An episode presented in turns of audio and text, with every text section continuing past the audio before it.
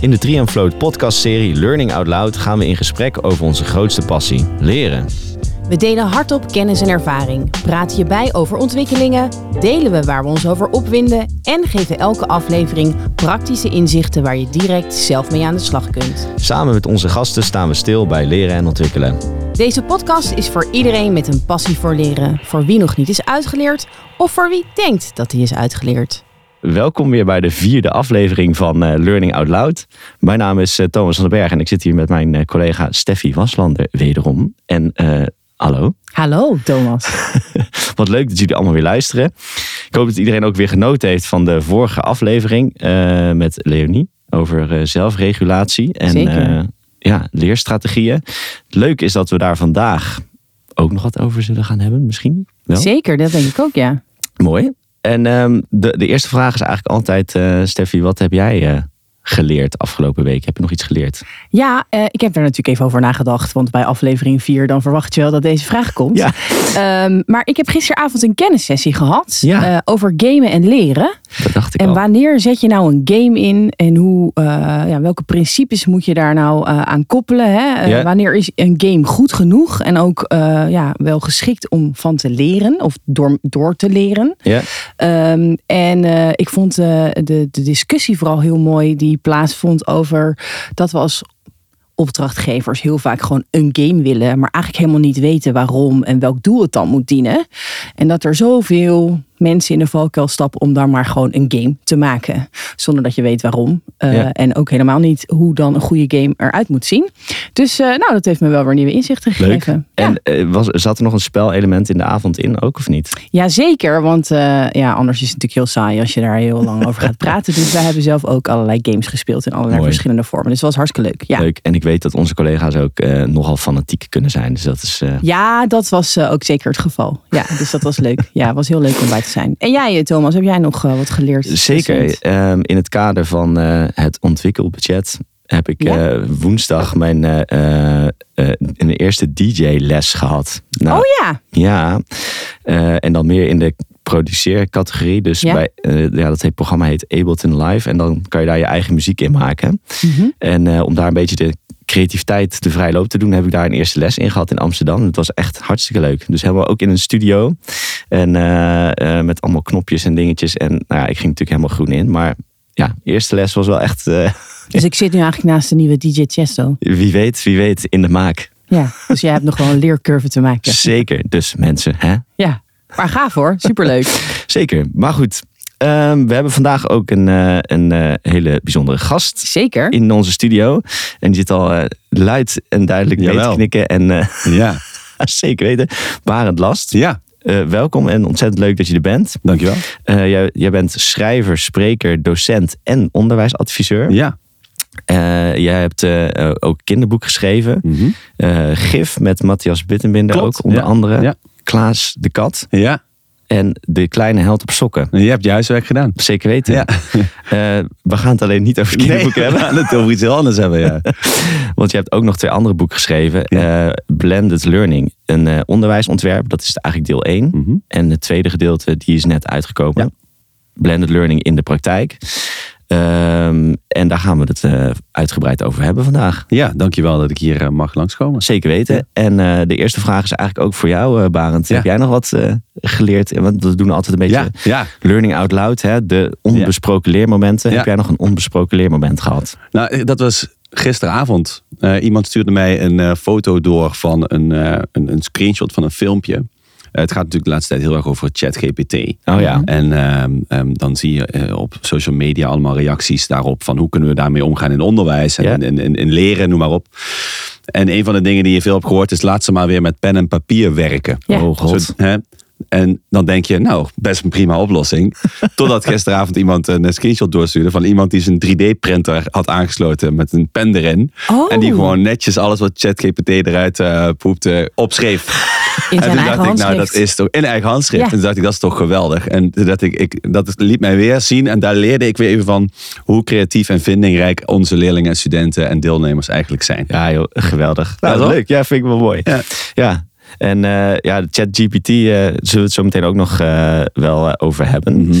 Maar um, ja, laten we van start gaan over het blended learning. En dan vooral eerst te beginnen van hè, onze luisteraars weten misschien wel wat het is, maar het is, hè, zoals jij zelf ook al geschreven hebt, een uh, containerbegrip. Ja. Dus ja, waar moeten we beginnen met blended learning? Ja, het is een beetje een, uh, een, een gek woord. Um, ik, ik, ben een schrijver, ik hou van woorden. En ik geef vaak mee van, een van mijn favoriete woorden is het woord stofzuiger. Ja. En dat is zo omdat dat woord meteen duidelijk maakt wat het is. Het is een ding wat stofzuigt. Dat is handig. Je kan er niet mee fietsen. Want dat staat niet in de naam, je weet wat het, wat het kan. Blended learning daarentegen is niet zo'n term. Blended learning geeft eigenlijk niet echt mee wat het precies is. Hey, dat woordje leren, dat, dat weten we wel een beetje wat leren is. Maar dat blended, dat kan van alles zijn. Als je een smoothie maakt, gooi je er allemaal ingrediënten in. Maar welke gooi je erin, dat is aan jou. Ja, ja, dat vind ik wel een mooie vergelijking ook. En, uh, want ja, blended learning, dan, tenminste toen ik dat voor het eerst hoorde, ook in, in mijn studie. En als je het bij mijn opdrachtgevers erover hebt, dan zegt hij, ja, uh, dus dat moeten we lekker online doen. Ja, ja. Ja, dat is heel erg de connotatie die eromheen hangt. Het is iets met digitale dingen, het is iets met online. Maar als je dan echt over, goed over gaat nadenken, je kijkt ook naar het onderzoek wat er naar is gedaan. Mhm. Het komt oorspronkelijk uit de uh, L&D-sector, blended learning, om ervoor te zorgen dat het niet alleen maar in de vier muren van een klaslokaal plaatsvindt, dat leren, maar ook op de werkplek. En dat ontzettend zich verder gaan ontwikkelen. En eigenlijk is het nu doorgegroeid tot goed onderwijsontwerp. Goed nadenken over wat doe je wanneer en waar en hoe zorg je ervoor dat alles wat je doet, elkaar gaat versterken. En of je daar nou digitale dingen bij gebruikt, ja, dat, dat kan. En vaak is dat ook zo, want dat is de context waar we ons vandaag de dag in bevinden. Maar het kan ook betekenen dat je een andere werkvorm in, uh, inzet en dat je dat slim combineert met bijvoorbeeld uh, leren in de praktijk. Ja. ja, dus het doel is niet alleen maar digitaliseren. Nee, juist Volgens mij niet. is dat wel wat Ja. er vaak wordt gedacht. Hè? Precies, ja. Ik kom dan wel eens op plek en dan zegt iemand tegen mij: Ik moet van mijn manager blenden. Welke tool kan ik inzetten? Oh ja. En dan komen ze met Mentimeter of Kahoot. ja. Oh, en dan. Sla je eigenlijk twintig stappen over. Ja. Want eerst moet je de vraag beantwoorden: eh, waarom zou je zo'n tool inzetten? Wat is het doel wat je daarmee bereikt? En dat betekent voor mij dat blended learning eigenlijk een ontwerpvraagstuk is en niet een digitaliseringsvraagstuk. Ja, ja nou, dat is inderdaad denk ik ook wel een eh, belangrijk eh, punt. Want Ja. ik denk, tenminste dat is mijn ervaring ook, dat docenten toch inderdaad veel meer aan het digitale stuk denken. Eh, terwijl het nou ja, veel meer is Ja. eh, dan dat. Ja, en misschien ook wel goed om eh, dat gelijk eh, ook beter te pakken. Want we hebben het nu over studenten en onderwijs. Mm, ja. Maar dit gaat gewoon natuurlijk over, over de learning and development Net zo goed. wereld binnen organisaties. Hè? En wat jij net al zei, werkplek leren. En je ziet dan ook dat het voor verschillende eh, uitingsvormen kent. En dat is ook wel weer een beetje de kracht, vind ik, van die term. Mhm. hè. Dus aan de ene kant is het belangrijk dat je duidelijk afspreekt waar hebben we het over. Maar aan de andere kant vind ik het ook heel mooi dat het er in de kleuterklas anders uit kan zien dan in de L&D-sector. Ja. En allebei kan het onder de noemer blended learning vallen. Maar het kent gewoon net even een andere organisatie. Je hebt met een andere doelgroep te maken. En de kleuterklas eh, heb je een heel ander ontwerp dan dat je dat zou hebben in een, in een bedrijf zoals KLM bijvoorbeeld, als je daar Ja. een L&D-sector hebt. Ja, nou zeker. En, eh, en wat mij wel heel erg aansprak uit het boek is ook dat, je, dat je schrijft van je denkt niet in lessen, maar in activiteiten. Ja, ja. Die perspectiefwissel. Ja. En dat vind ik ook het mooie aan het woordje blended learning. Daar zit het woordje leren in. En leren is per definitie een activiteit van iemand die leert. Ja. Of dat nou een leerling of een student of een deelnemer bij een training is. Dat maakt niet uit. Kun je er Dus- misschien nog iets meer over vertellen? Want eh, je denkt niet in lessen, maar in Ja. activiteit. Ik denk dat voor mensen die de podcast luisteren, dan gaat het best wel snel. Wat, wat bedoel je daar precies Ja, mee? ja dus de, het- de- nogmaals die perspectiefwissel. Hè. Dus je gaat eigenlijk niet meer na- eh, nadenken in termen van wat ga ik als trainer of als docent doen om jou tot leren te krijgen. Mhm. Je draait hem om. Je gaat nadenken wat ga jij als lerende doen in jouw pad om het doel te bereiken. En dat betekent dat ik me dus niet alleen maar focus op die trainingsdagen of op de lessen die ik geef, maar ook focus en bedenk wat, ga- wat ga jij doen als je thuis bent? En wat ga jij doen als je op de werkplek bent? En daar zit die echte transfer en daar zit veel meer leerpotentieel dan alleen maar dat geroosterde uurtje of die studiedag dat je er even uit wordt gehaald. Ja. Dus je begint eigenlijk bij het resultaat en je gaat dan vervolgens terug ontwerpen Ja, naar Juist, de ja. start. En dat noem je dan in onderwijskundige termen backwards design. Eh, dus je, inderdaad, je begint bij de uitkomst. En van daaruit ga je terugredeneren. Wat gaat die student of die deelnemer of die lerende nou doen in zijn reis? Ik noem het in het boek ook de student journey. Ja. eh, om daar te komen. En dat ja, betekent voor mij dat je alle locaties van leren gebruikt. In de werkplek, op school of op een trainingsdag, waar dan ook. Op zo'n manier dat het elkaar gaat versterken. Ja. En wat, wat ook wel heel verleidelijk is, tenminste dat weet ik ook nog wel uit mijn docententijd, dat je eigenlijk toch ook wel vaak van moment tot moment leeft. Dus dat is wel herkenbaar hoor, wat je zegt. Met uh, zo'n les, dat je denkt, oh ja, wat moet ik morgen weer doen met die ja, gasten? Ja, ja, ja, ik weet ook nog goed dat ik, ik kom ook uit het basisonderwijs. Als ik dan een les gaf, dan volgde ik zo die stappen uit de methode. Ja. En als Ja. ik dat dan niet goed afkreeg, dan had ik het gevoel een slechte docent te zijn. Maar dat, dat is dus heel erg Ja. denkend vanuit mijn perspectief. Ja. Maar als je dat switcht en je denkt vanuit wat is die leerling aan het doen of wat is die deelnemer aan het doen, ja, dan zie je in één keer dat misschien die les helemaal niet zo belangrijk is zoals je hem hebt voorbereid, maar dat het veel belangrijker is om in te spelen op wat zich voordoet in de reis. Ja, en dat is wel mooi, hè, die reis. Want ik denk dat Ja. veel luisteraars ook eh, de term customer journey wel Ja, kennen. Hè? precies. Nou, je Ja. hebt het nu over een student Ja. journey. Ja, Eigenlijk schrijf je dan dus Exact. de reis uit van Ja. de lerende met al die verschillende touchpoints. Hè? Ja, dat is daar- het precies. ja. Ja, en, en daarbij in, in, in mijn eerste boek beschrijf ik ook dat, eh, dat je daarvoor persona's maakt. Dat komt eigenlijk ook uit, uit het werkveld. Hè? Mhm. Ja. Je maakt een eikpunt voor jouw onderwijs. En met, vanuit die eikpersonen eigenlijk werk je die reis uit. En dat Ja. ja. in de customer journey, student journey is eigenlijk een beetje hetzelfde. Ja, Ja. mooi. Nou, en dat is ook weer een beetje het design thinking eh, Exact. verhaal. Hè? Dus Ja. eh, dat je, voor wie maak je nou eigenlijk je onderwijs? En eh, nou ja, want, want je zegt inderdaad wel, je moet eh, bij het einde beginnen. Maar heb, merk je dat, dat mensen dat ook echt doen of niet? Steeds meer, steeds vaker. Ja. Ik denk dat ook de, de, dat soort onderwijskundige termen als achterwaarts ontwerp, backwards Ja. design of constructive alignment, Ja. de eh, afstemming tussen de leeruitkomsten, de toetsing en, en, of het assessment en, en de activiteiten. Ja. Dat, dat vindt zijn weg steeds meer Ja. naar, naar het onderwijsveld. Eh, ik denk ook de L&D-sector. Het is, het is eigenlijk het onderwijsontwerp is een gangbare methodiek voor alle sectoren. Ja. Alleen de uitwerking zal verschillen. Ja. Hey, en als je het dan daarover hebt, hè, over die uitwerking. Ik kan me zo voorstellen dat het voor luisteraars best wel lastig is waar ze dan morgen mee kunnen beginnen. Als je het hebt over zo'n reis uitschrijven. Ja. Heb je daar wat praktische tips voor? Ja, zeker, zeker. Eh, het kan bij blended learning soms heel erg aanvoelen als iets heel groots. Hè? Dat is een Mhm. grote stap. Waar moet ik beginnen om dat allemaal bij elkaar te krijgen? Vraag Dan het de chat GPT. Ja, precies. Denk, denk het even voor me. Nee. Ehm, en ik geef altijd mee als een, be- een beginpunt. Voordat je überhaupt iets verandert, werk eerst eens jouw student journey of jouw deelnemer journey uit zoals die nu is. Ja. Zonder ook maar iets te Oh ja. veranderen. Visualiseer het. Het liefst op een storyboard. Waarbij je eigenlijk meerdere locaties op de eh, verticale as zet. En vervolgens in de tijd alle, alle activiteiten die de deelnemer of de student gaat doen uitzet. Ja. En kijk gewoon eens, wat vind ik hiervan? Is dit een logische opzet? Sluiten de activiteiten op een logische wijze op elkaar aan? En vaak zie je dan toch al wel vrij snel dingetjes ontstaan van... Hmm, dit is misschien niet handig of hier kost het wel heel erg veel tijd aan voorbereiding. Ja. Dat soort dingen kun je Ja. dan zien. Of je komt erachter dat er toch wel heel veel zelfstudie in zit. Dus dat ze bijvoorbeeld eerst lees vijf artikelen, doe, maak samenvatting, eh, eh, zoek nog extra bronnen op, noem maar op. En dan, dan dat je dan daarna, ja, dan heb je het college of zo. Ja, ja. dat is het precies. En je, je, dan, dan, kun je ook verder een, een, een stap zetten om te gaan nadenken... hoe kan ik dit verrijken, hoe kan ik dit verbeteren? Want zo'n zelfstudieopdracht is misschien heel individueel. En deelnemers of studenten vinden het misschien moeilijk om dat te doen. Dus kan je gaan nadenken, hoe kan ik dat misschien net even anders aanbieden... om bijvoorbeeld die zelfregulatie te verhogen. Dat het makkelijker is voor de leerling of de deelnemende student... om het zelfstandig tot Ja. een succes te brengen. Ja, en, en nog heel even Ja, trouwens, nee, zeker. Barend zei iets heel interessants. Oké, eh, ja, heel goed. Tussendoor, Ja. je zei verrijken en verbeteren. Ja, ja. Want volgens mij is dat het doel, hè? Ja, dat vind ik wel. En, en dat heb ik ook in de definitie van blended learning in het boek opgenomen. Mhm. Op de eerste plaats gaat het om het verrijken van de leerervaring. Ja. Dat is punt één. Ja. En hoe je dat doet, dat maakt me eigenlijk niet zoveel uit. Als je daarbij maar nadenkt over alle middelen die je binnen jouw context beschikbaar hebt. Ja.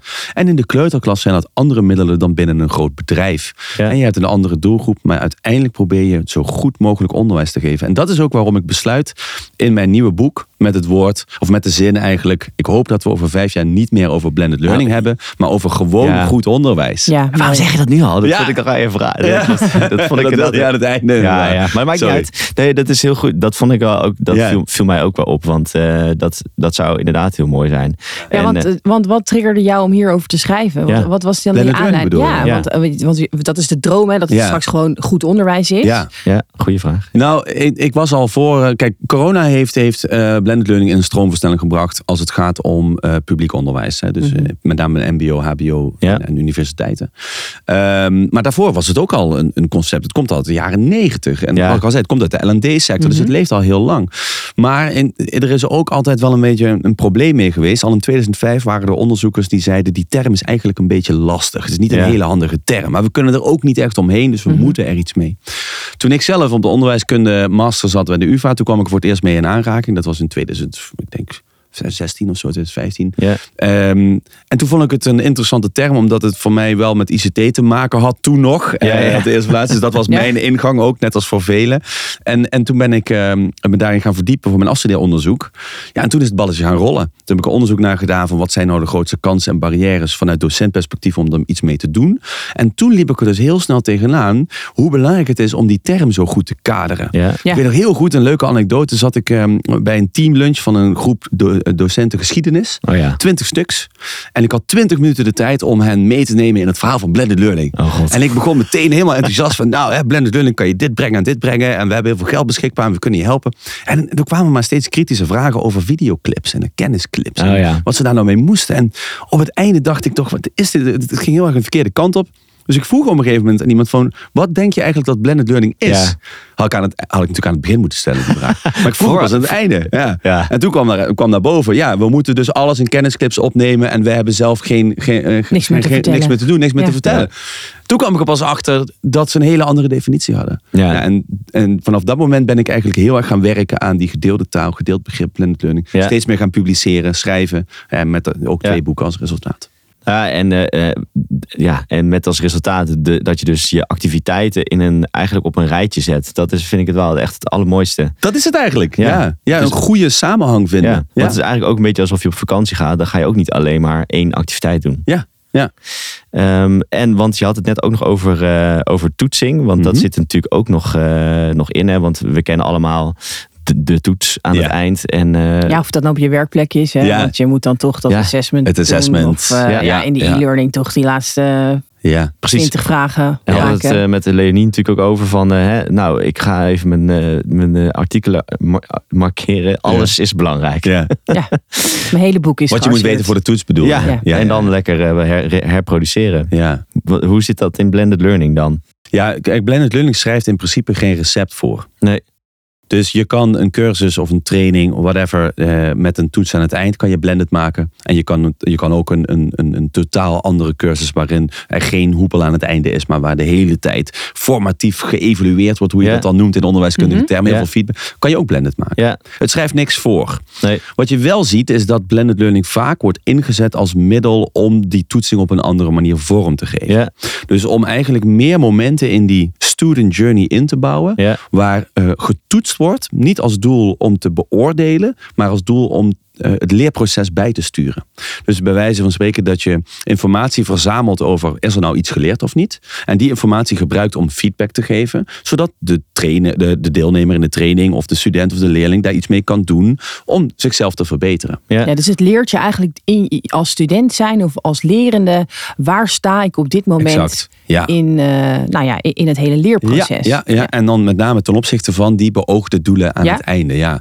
En, en ehm, dat is iets, dat is eigenlijk een shift in paradigma die al jaren gaande is. Ja. Mhm. Misschien kennen jullie die termen wel, hè? summatief beoordelen en formatief evalueren. ja. Oefentoets en eh, examen. Exact, voor de precies. luisteraars. En, en je ziet eigenlijk dat, dat, ik begrijp het niet verkeerd, zo'n beoordeling is goed. Hè? Het is goed om, Mhm. om leren te beoordelen, maar het Ja. zou niet het enige moeten zijn. Als je alleen maar aan het einde beoordeelt, hoe kan je dan het leerproces bijsturen als je ermee bezig bent? En blended learning leent zich heel goed om dus die reis te visualiseren en te gaan kijken, hey, hier is een mooi punt om misschien feedback te geven. Mhm. Hier is een mooi punt om te beoordelen. Hier is een mooi punt om informatie te verzamelen voor dat leerdoel. En op die manier kan blended learning ook het middel zijn om die toetsing naar een hoger niveau te tillen. Ja, Dus het helpt je eigenlijk ook als je het uittekent, hoor ik je zeggen, om beter te toetsen. Op Ja. het juiste moment, op de juiste manier.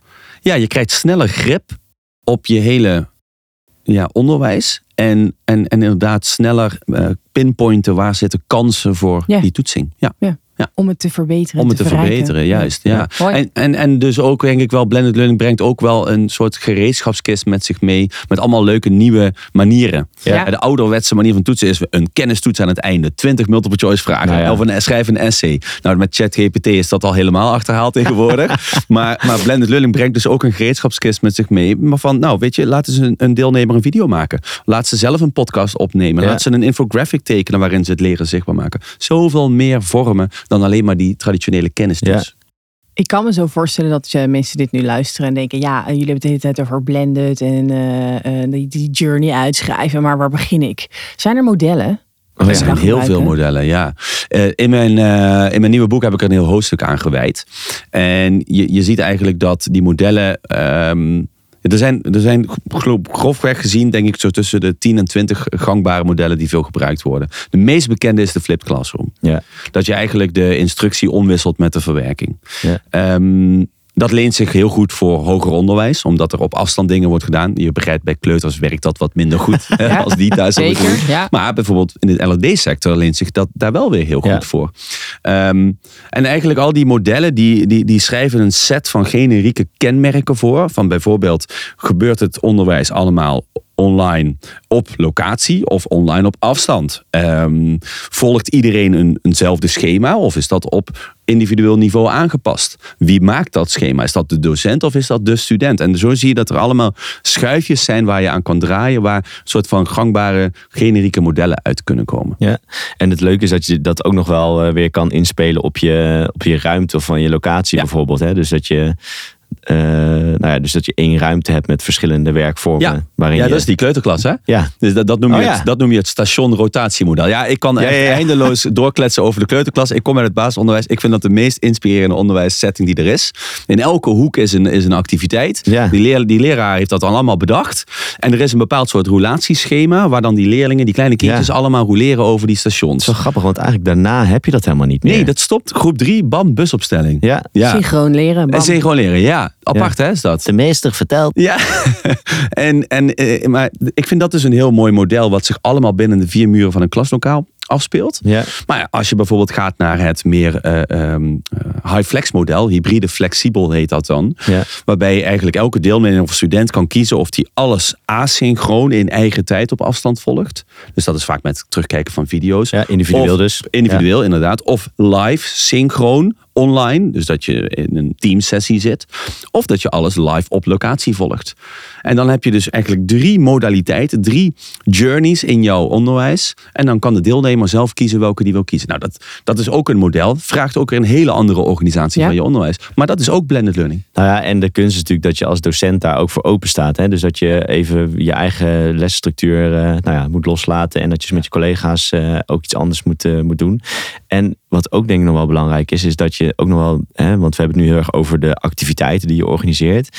Maar hè, het blijft ook mensenwerk. Want je hebt natuurlijk ook studenten die zeggen, ja, lekker boeien. Ja, ja. ja. Ik- hè, dus wat, wat voor rol speel- speelt motivatie eigenlijk in... eh, Nou ja, als je kijkt naar onderzoek zie je dat globaal gezien ehm, blended learning programma's meestal een positief effect op motivatie hebben. Significant.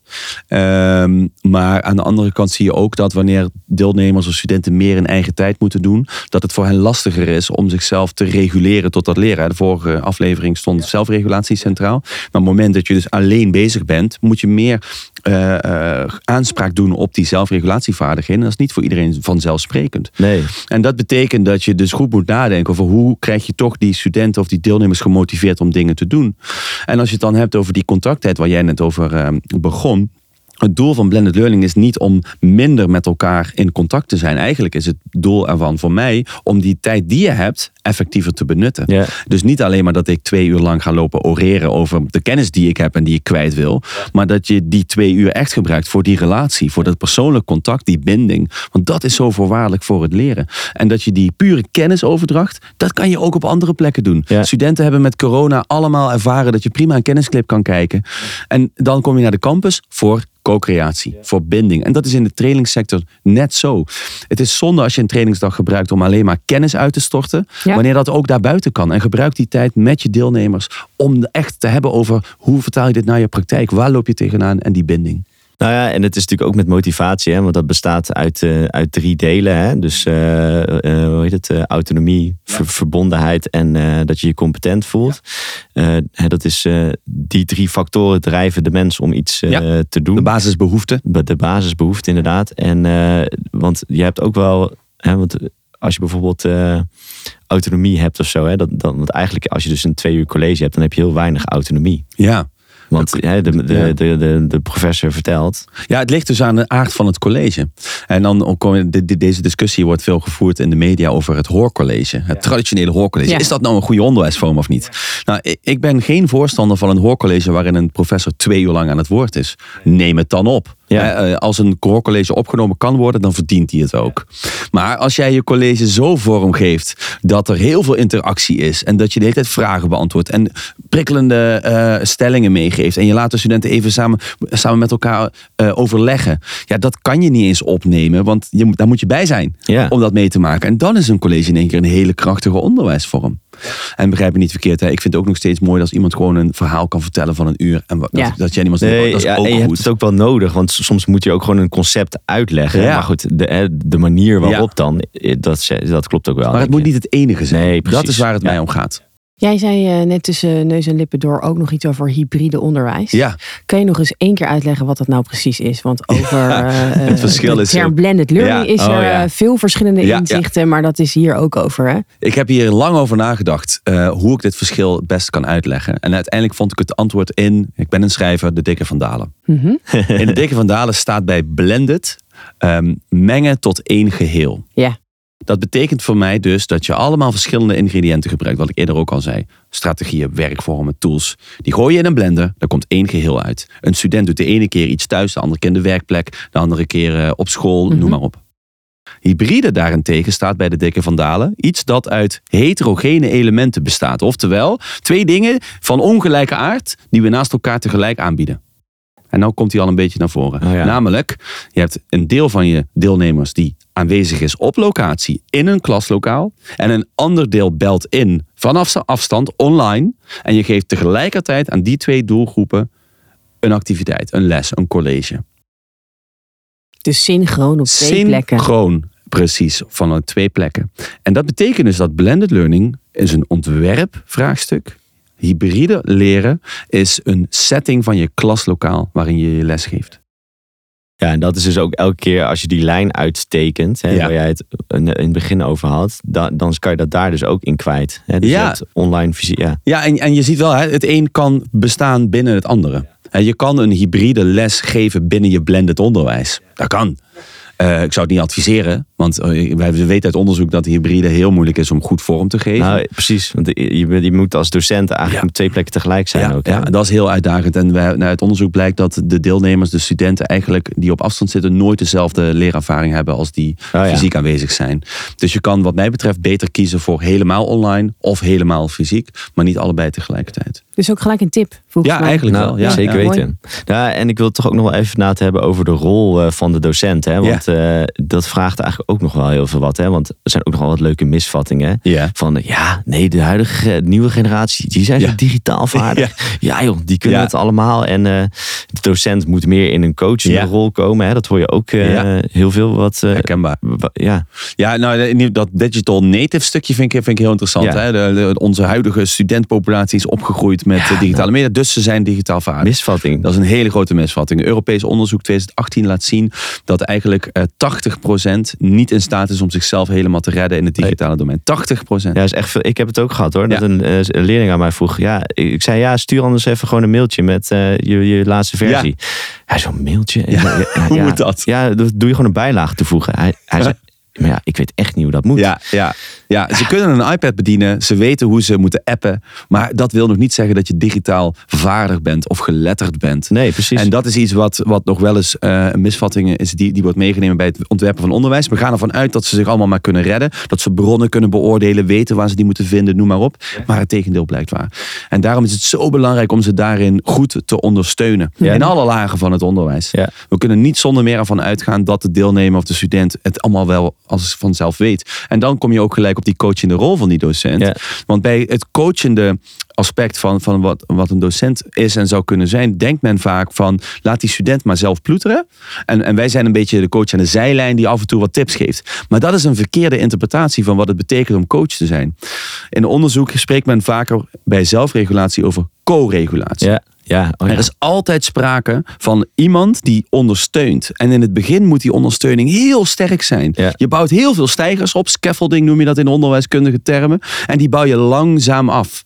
En dat is voor mij dus de docent als coach. In het begin van een, een trainingstraject of een opleiding, whatever, ondersteun je op alle mogelijke manieren zoveel als kan. En dan ga je kijken waar kan ik loslaten. Langzaam maar zeker. Voor de mensen die veel eh, volgens mij binnen L&D eh, de trainingswereld begeven, is dat het volgens mij het oude voordoen, samen doen, zelf doen. Hè? Oh, Exact. Ja, dat is het zeker. Ja. Ja, dus uh, langzaam niet ervan uitgaan dat iedereen al gelijk vanaf het begin dat kan. Ja. Nee. maar eerst als, als docent, Ja. trainer eh, het voordoen. En het vervolgens samen doen. En het dan En dat en zit dus, ehm, eh, dit, dit gaat zowel over iets aanleren, Mhm. kennis of vaardigheden, maar ook over hoe je moet leren in de setting. Dus dat heeft voor Ja. allebei die dingen heeft dat betrekking. Ja, nou, en ook want eh, qua docent moet je dus ook weer heel anders gaan denken. Hè. Dus waar we, nou, ja, dan Ja. komt het weer, nou, denk niet in lessen, maar in activiteiten. Ja. Dus je moet echt gaan nadenken over eh, welke activiteiten ga ik dus inregelen. Om ook dus eerst die, eh, je, ja, die ondersteuning te geven. Hè? Ja, ja zo, en daarom bouw ik dus bijvoorbeeld in de Student Journey Ja. ook activiteiten in waarin ik aan het ondersteunen ben. Laat ik een heel concreet voorbeeld Ja, geven. mooi. Je hoort vaak dat eh, mensen klagen over dat deelnemers of studenten hun huiswerk niet hebben gedaan. De helft heeft de kennisclip niet bekeken, Ja. bijvoorbeeld. Nou, een manier om daarmee om te gaan is om bijvoorbeeld een week van tevoren in de digitale omgeving een video klaar te zetten. Waarin je eigenlijk jezelf voorstelt en uitlegt waarom het relevant is om die video te bekijken. Wat ze daarmee gaan doen en wat je verwachtingen zijn van de deelnemers. Dat doe je eh, om hen te nudgen. Een nudge is ja. eigenlijk een duwtje geven in de juiste richting om die zelfregulatie te bevorderen. Vervolgens in een eerstvolgende bijeenkomst ga je nog niet aan de slag met die kennisclip, maar check je even bij iedereen, is het duidelijk wat er van je verwacht wordt?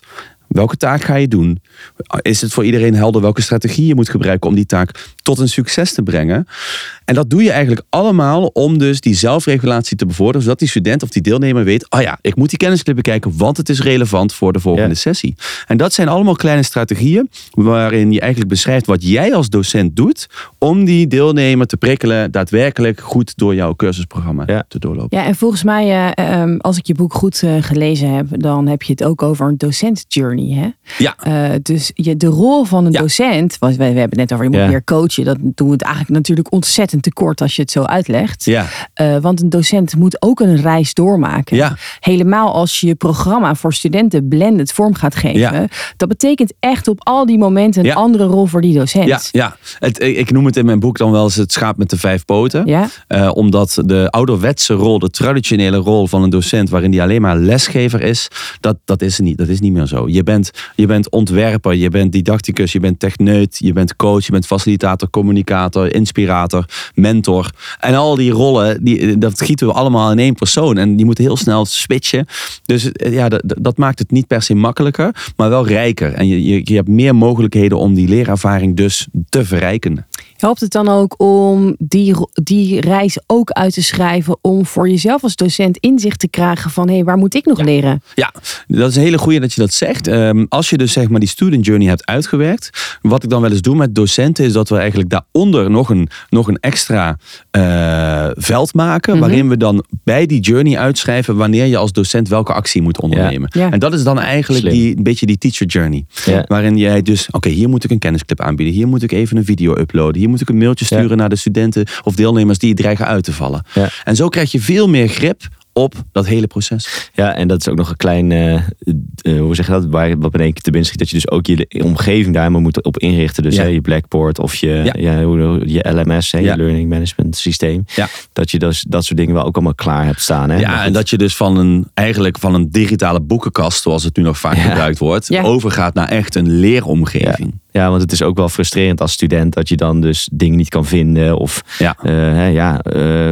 dan open je zo'n Ja. pagina en denk je, ja, nou, waar moet ik wat Ja. eigenlijk vinden? De meest gehoorde klacht van studenten is dat hoor. Dat is ook nog wel een grappige anekdote. Een tijdje terug was ik eh, bij een studiedag. eh, had ik 80 docenten onder mijn hoede. Drie dagen lang gingen we onderwijs ontwerpen. En we hadden bedacht, we gaan die studiedag ook blended vormgeven. Ja. Dus wat had ik gedaan? Ik had de digitale leeromgeving van tevoren een mooi filmpje klaargezet. Opdracht klaargezet. Maar ik had het al verwacht. Ik kwam daar op die studiedag. De helft had het niet gedaan. Ja. Mhm. Dus ik ging vragen aan die docenten, waarom heb je het nou niet gedaan? En toen bleek dus dat van die helft, de helft niet wist dat er Oh, ja. überhaupt een online omgeving was. Nou, daar al, ja. En de andere helft kwam er niet op. en toen heb ik dat meteen als ingang gebruikt om te laten zien Oh van ja, jongens, dit is ook hoe het met jullie studenten gaat. Ja. Je moet er niet van uitgaan dat iedereen het maar vanzelf redt in Ja. die hele omgeving. Ja, dus je hebt ze geconfronteerd met hun eigen Ja, frustratie. ja, exact. Heel slim. Mooi. Ja. We moeten door eh, naar het volgende onderdeel. Dat denk ik ook. Ja, Ehm, tenzij jij zegt van. Ik eh, wil, Ja. eigenlijk heb ik nog niet iets verteld over een bepaalde invalshoek van blended learning die ik toch nog wel heel belangrijk vind om mee te geven. Oeh. Ehm, nou, wat ik nog wel belangrijk vind, is één laatste wat me nog te binnen schiet, is dat we net heel even kort over toetsing hebben gehad. Ja. En, en ik heb in mijn boek een stukje geschreven over dat ik eigenlijk toetsing en activiteiten niet meer los van elkaar ga zien. Ja. Omdat eh, leren is toetsen. Als ik iets wil leren, ga ik eerst kijken wat weet ik nog niet. Dat is een toets Ja. Ja. op zichzelf. Ja. En ik vind dat we het te veel kunstmatig uit elkaar zijn gaan trekken. We gaan eerst leren, leren, leren, leren. En dan komt er een toets. Terwijl toetsen, is, dat moet je eigenlijk constant doen. Ja. En dat heb ik ook in mijn slotwoord beschreven. Toets veel en constant, maar zonder beoordeling. Ja. Gebruik de informatie die je uit de toets krijgt om richting te geven aan wat weet ik nog niet en wat moet ik doen om daar te komen. Ja, en dat heeft ook te maken weer met die motivatie. Hè? Want eh, Ja. dat gaat ook over als je dus eh, ja, je cijfer aan het einde krijgt. Pas Mhm. is dat dan een goede beloning of, een, ja, of is dat eerder een straf? Hè? Ja. Ja, het onderzoek is daar niet heel eh, positief over. Cijfers hebben, brengen meer kwaad met zich mee dan, Ja. dan goede dingen. Ja. Ja. Ja. Ja, dus daarom is het juist goed om. eh, ja, dat, dat, eh, ja, dat is wel eh, een actueel onderwerp. Natuurlijk dat je gewoon gaandeweg steeds vaker eh, iets terugkrijgt over je leertraject. Ja, en, en vooral ook die feedback die Ja. je Ja, krijgt. constant feedback Nou, ja, krijgt over dat dat ook een leerproces. kleine ja. leuke anekdote. Mijn Ja, opa, die al lang is overleden, die was vroeger dus ook onderwijskundige. En die, mijn moeder die had een foto laten zien dat hij in de krant stond. Precies over dit. Dit Ja? was echt in 19, nou ja, misschien 70 of Ja, zo. ja. Toen hadden ze het ook wel over programmatisch toetsen. Echt? Maar ja, we zijn dus Bizar, hè? 50 jaar later. Ja, maar onderwijs is ook een veld wat heel langzaam verandert. Ja, en er zit een beetje een conjunctuur in. Hè. Ik hoor Ja. die collega's van ons die al eh, Ja, nou ja, meer dan 30 jaar als onderwijskundige Ja. rondlopen. Die zeggen, oh ja, oh, dit hebben we al wel eens gehad. ja.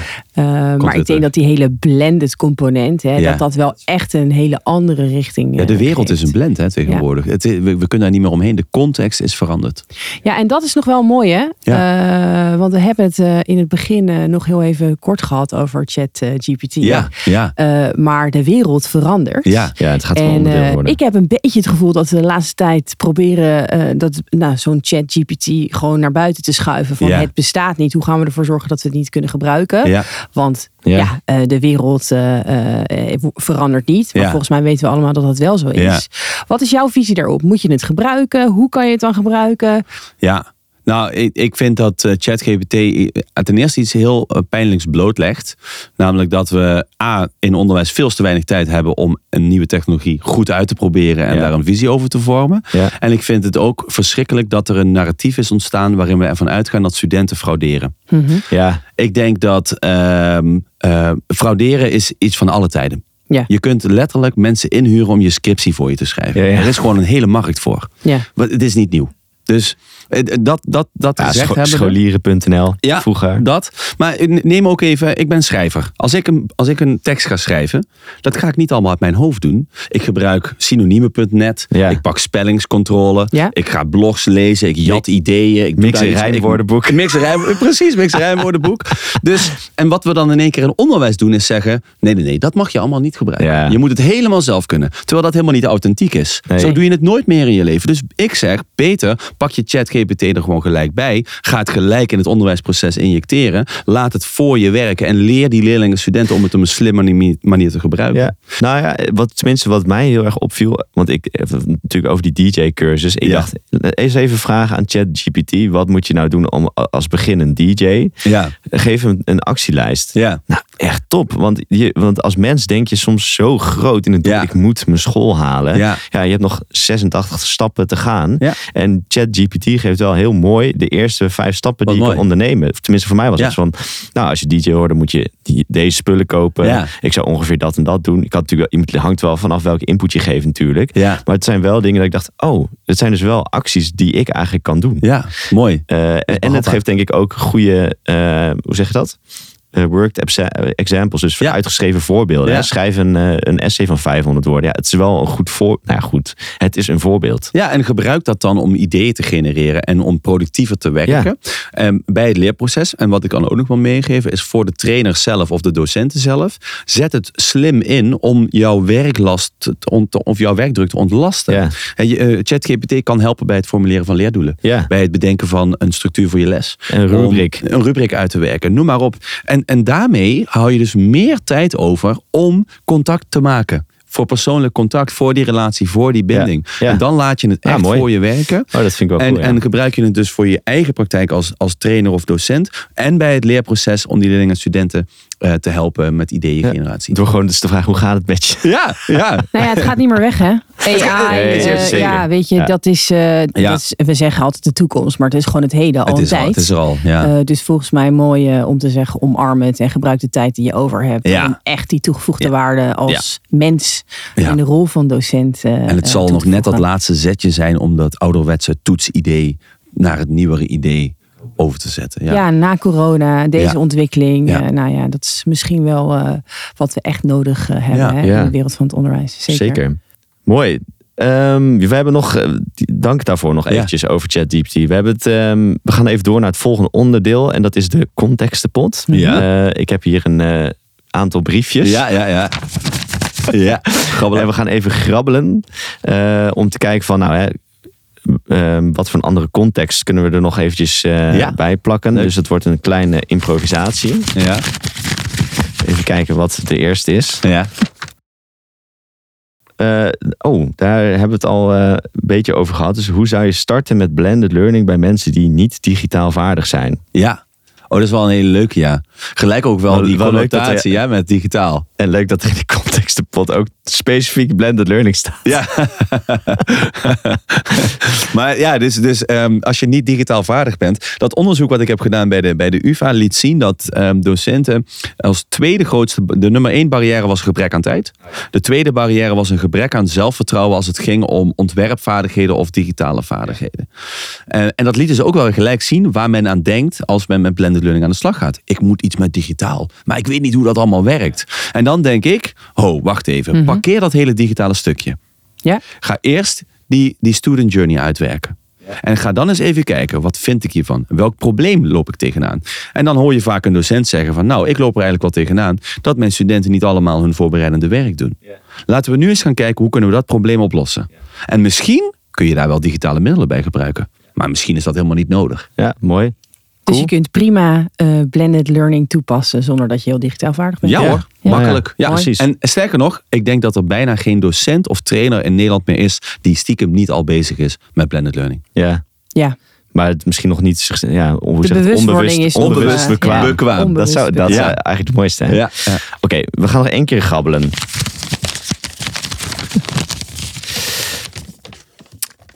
Ja, hoe zou je dit kunnen toepassen eh, binnen een commercieel bedrijf? Ja, ja.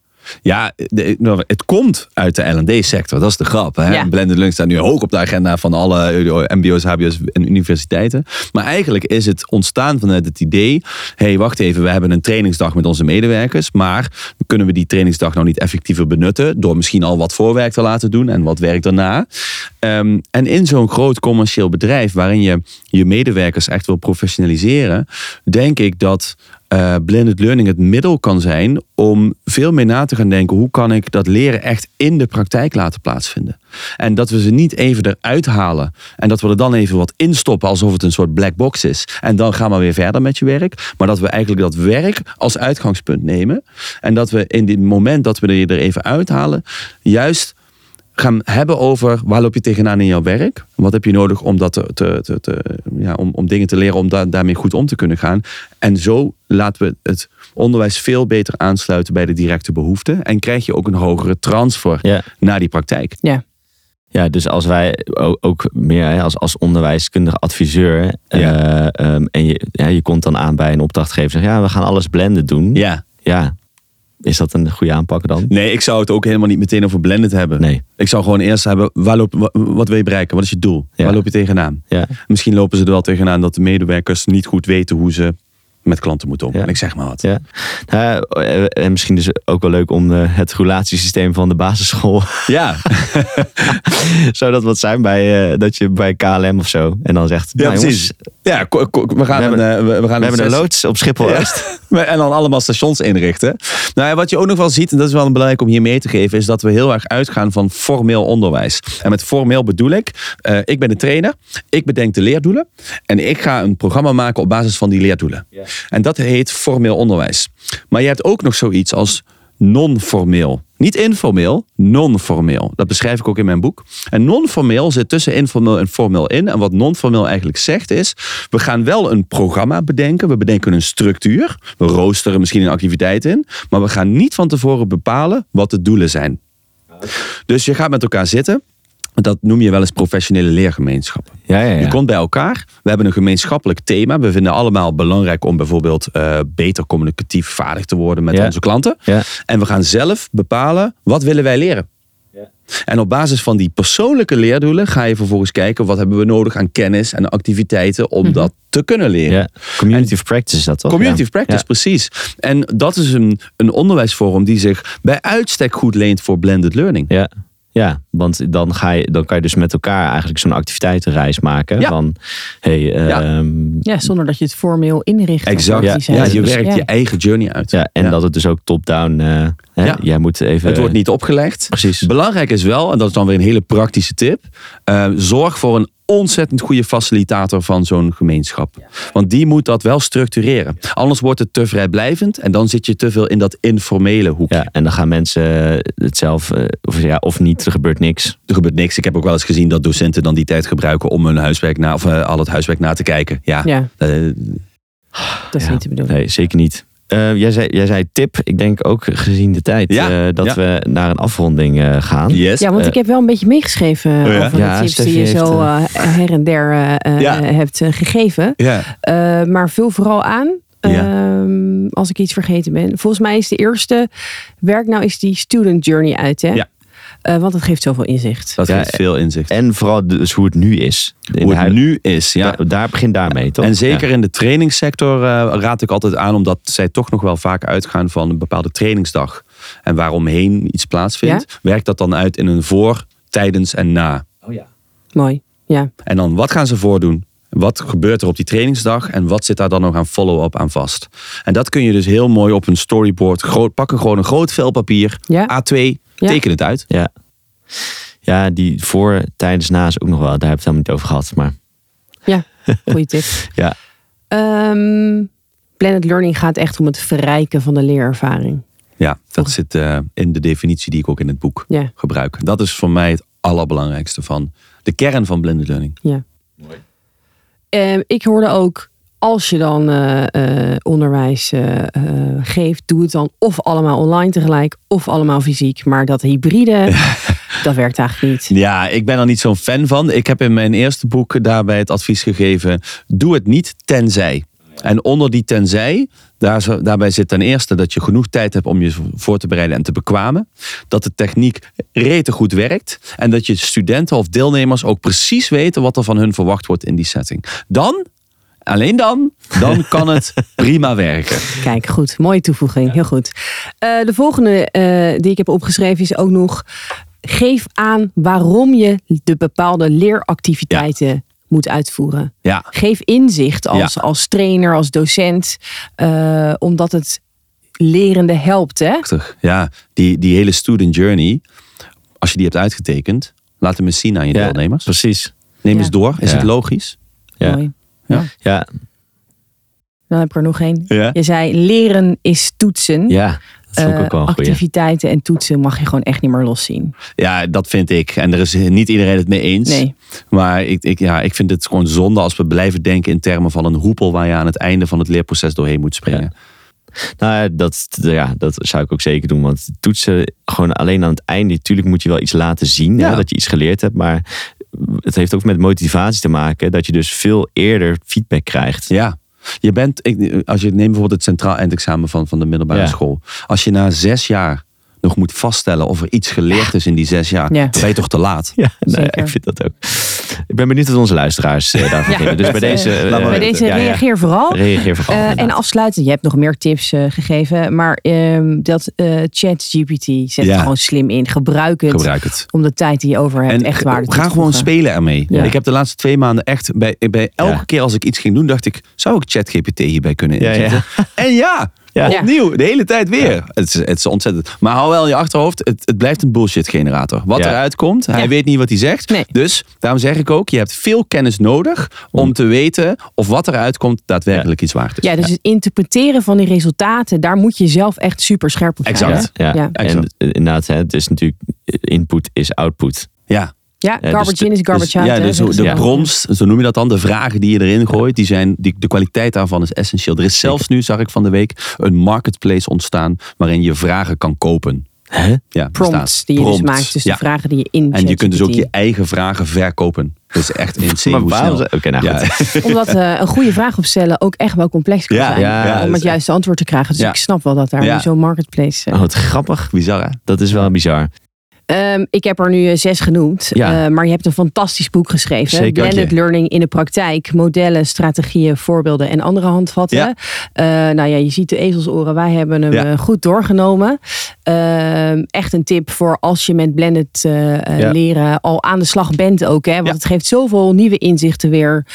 De theorie die eronder ligt. Dus ja, dank voor dit fantastische boek. Want ik Zeker denk als je met leren bezig bent, dat je dit zeker moet lezen. Zeker. En ook voor alle voor elke onderwijskundige vind ik het wel een eh, een goed. Ja, je moet. Het, er staat heel veel. Je kan eigenlijk alles wel Ja. een beetje eruit halen. En inderdaad, ga niet alles proberen te implementeren, Nee. lijkt mij. Want er staat. Ja. Het is ontzettend hoge informatiedichtheid. Ja, Ja. maar Maar het is een naslag. Ja, Pak het erbij precies. als je eventjes iets wil Ja. opzoeken. Ja, en voor mij was het de belangrijkste. Je denkt niet in lessen, maar in activiteiten. Dat vond ik echt. eh, dat ik dacht, ja, nou valt die bij elkaar. Mooi. Dus hartstikke mooi. Barend, ontzettend bedankt. Eh, we- volgens mij hebben we flink, eh, flink zitten lullen. Ja, wat goed. Ehm, en voor de mensen die jou ook nog een keertje willen opzoeken, barendlas.com. Ja. Daar kan En je- LinkedIn, daar En LinkedIn. post ik van alles op Zeker over eh, blended learning en. Superleuk. Nou, Ja, dus jou volgen voor eh, meer eh, kennis. Yes, exact. Zeker. ontzettend bedankt. En misschien wel, het zou leuk zijn, misschien nog een keer, volgende keer. Ja, als ik weer een boek eh, heb geschreven. Ah, ja, precies. Wie weet. Hey, Dankjewel. dankjewel. Dankjewel. Wat ontzettend leuk dat je luisterde naar Learning Out Loud. Hopelijk heb je inspiratie opgedaan. Als je niks wil missen, houd ons dan in de gaten op je favoriete podcastkanaal. Heb je zelf thema's die we moeten bespreken? Laat het ons weten. Tot de volgende keer. Doei! Doei doei.